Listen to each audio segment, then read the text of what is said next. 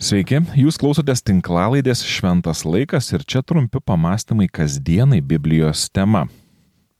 Daugelis iš mūsų gamtoje pailsime ir nusiraminame. Kai kurie keliasi iš miestų, kad tik būtų arčiau gamtos.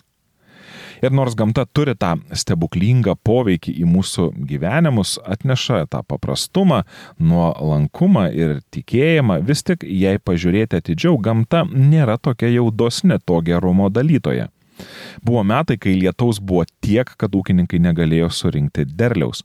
Buvo metai, kai to lietaus trūko ir vandens pradėjo stikti net giliausiuose šuliniuose. Turbūt nepraeitų nei viena savaitė be kokių nors naujienų iš viso pasaulio apie liūtis, sausras, žemės drebėjimus ir jūros bangavimus.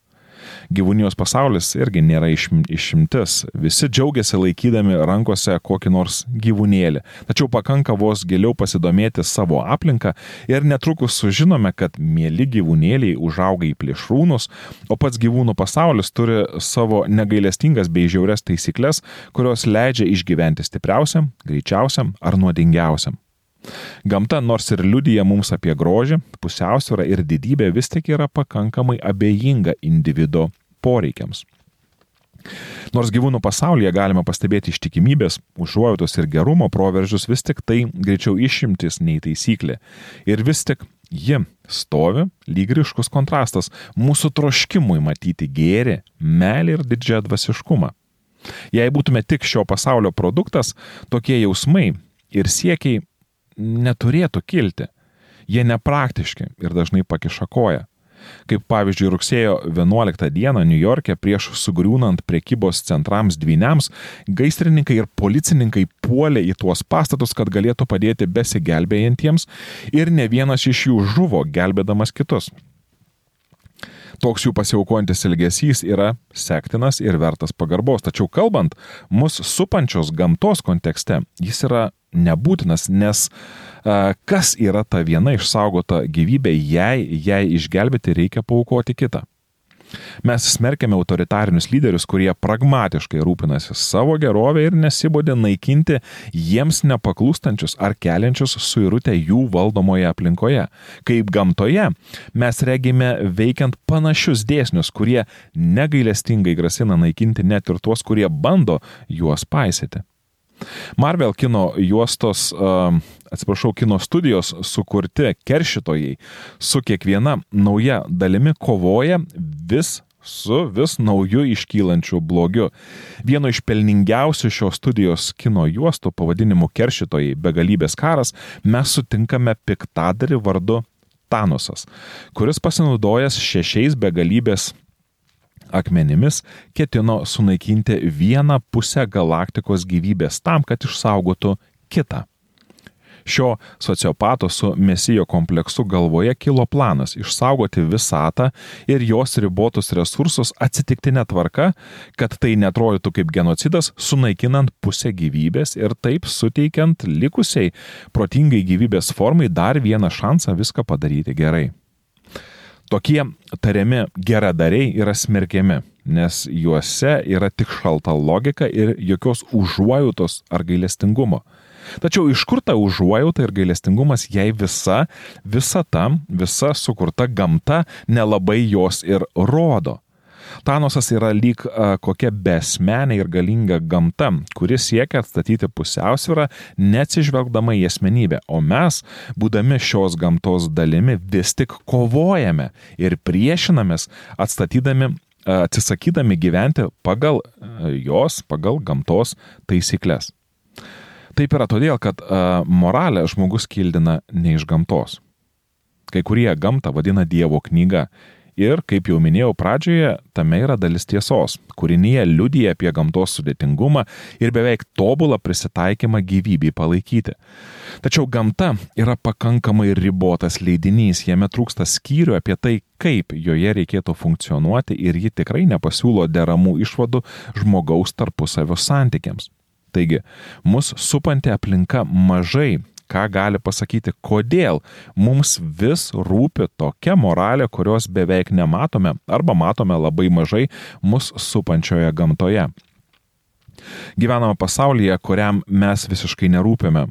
todėl kartais tampame atšiaurių, šaltų ir negailestingų gamtinių mūsų supančių jėgų, atrodytų beprasmių išmėginimų aukomis. Asmeniškai aš prieinu išvados, jog gailestingumas artimui, meilė priešams ir rūpestis silpnaisiais mus pasiekia ne kaip natūrali išvada stebint mūsų supantį pasaulį, o kaip apreiškimas. C.S. Lewisas taikliai pastebi, kad krikščionybėje šis savotiškai netitikimas tarp fizinės realybės ir religijos ypatingai išryškėja krikščionybėje. Tikiu, kad krikščionybė, geriau, kad krikščionybė pati geriausiai atsako į klausimą, kodėl tiek daug aplink yra kančios ir kodėl mes vis tiek tikime mylinčių bei geranoriškų dievų. Tačiau pati krikščionybė ne tik atsako, bet ir sukuria šią, taip pavadinkime, problemą. C.S. Lewisas knygoje Kančios problema rašo. Tam tikrą prasme, krikščionybė yra daugiau sukurianti nei išsprendžianti kančios problemą. Nebūtų jokios problemos dėl skausmo, jeigu greta mūsų kasdienės patirties ateinančios iš šio skausmingo pasaulio neturėtume to, kas mūsų manimu yra gera garantija, kaip pirminė tikro, kad pirminė tikrovė yra teisinga ir mylinti. Citatos pabaiga. Jei netikėtume teisingumo ir meilės egzistavimu, skausmo ir kančios problemos nebūtų, nes neturėtume jokio pagrindo šį klausimą kelti. Tačiau matydami skausmą vienoje pusėje ir matydami mylinti bei teisingą Dievą kitoje, pradedame jausti ir kančios klausimo svorį. Pirmiausiai, nu, pirmiausiai norėčiau pradėti nuo to, jog mylintis Dievas aprašytas Biblijoje yra preikštas Jėzaus asmenyje, yra atsakymas tik tada, jei priimame ir Biblijos apreikštą nuodėmės problemą. Visa šis sumaištis tarp to, koks yra pasaulis ir koks yra Dievas, pasiekia patenkinamą aiškumo lygį, kai iš šios lygties mes neišmetame nuodėmės faktoriaus. Tai svarbu, nes Dievo meilė ir teisingumas tampa nesuprantami, jei nepripažįstame fundamentalaus blogio slypinčio žmoguje. Laiškė romiečiams apaštlas Paulius rašė apie žmogų.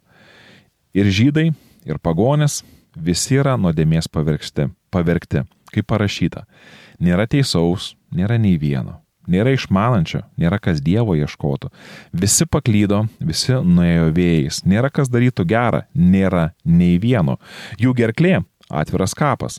Savo liežuviais klastas jie raizgė, gyvačių nuodai jų lūpose. Jų burna pilna keiksmų ir kartumo, jų kojos eiklios kraujo išlieti, jų keliais skuba griovimas ir skurdas. Jie nepažino taikos kelio ir nestovi prieš jų akis Dievo baimė. Laiškas romiečiams trečias skyrius 9-18 eilutės. Visą tai pasakęs apaštlas paskelbė, nėra jokio skirtumo, nes visi yra nusidėję ir stokoja Dievo garbės. Laiškas romiečiams trečias skyrius 23 eilutė. Kiekvienas žmogus yra paliestas nuodėmės ir ne tik žmogus. Gamta irgi yra jos paliesta. Štai kodėl dairydamiesi aplink mes matome galę ir šaltą teisingumą. Tačiau nuodėmė, nors ir nepataisomai sugriovusi žmoguje Dievo atvaizdą, vis tik nesunaikino jo ilgesio, o ir Dievas žmogaus nepaliko. Žmogus ilgisi tyro gerumo ir nesuteptos meilės, Žmogus apie tai kuria kino filmus, rašo eilės ir gėda giesmes.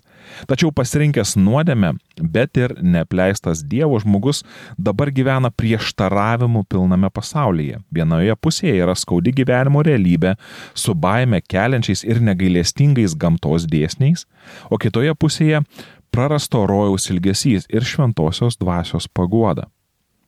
Ateis diena, kai Jėzus sugrįž antrą kartą ir sugrįžęs atkurs naująjį dangų ir naująją žemę, kuriuose gyvena teisingumas, meilė ir malonė. Tačiau iki tos dienos mes stovėme įsikabinę į Dievą ir jo dvasios palaikomi, nepasiduodame šio pasaulio įtakai. Jūs klausėtės tinklalaidės Šventas laikas. Tikiuosi tai buvo tai, ko jums šiandien ir reikėjo.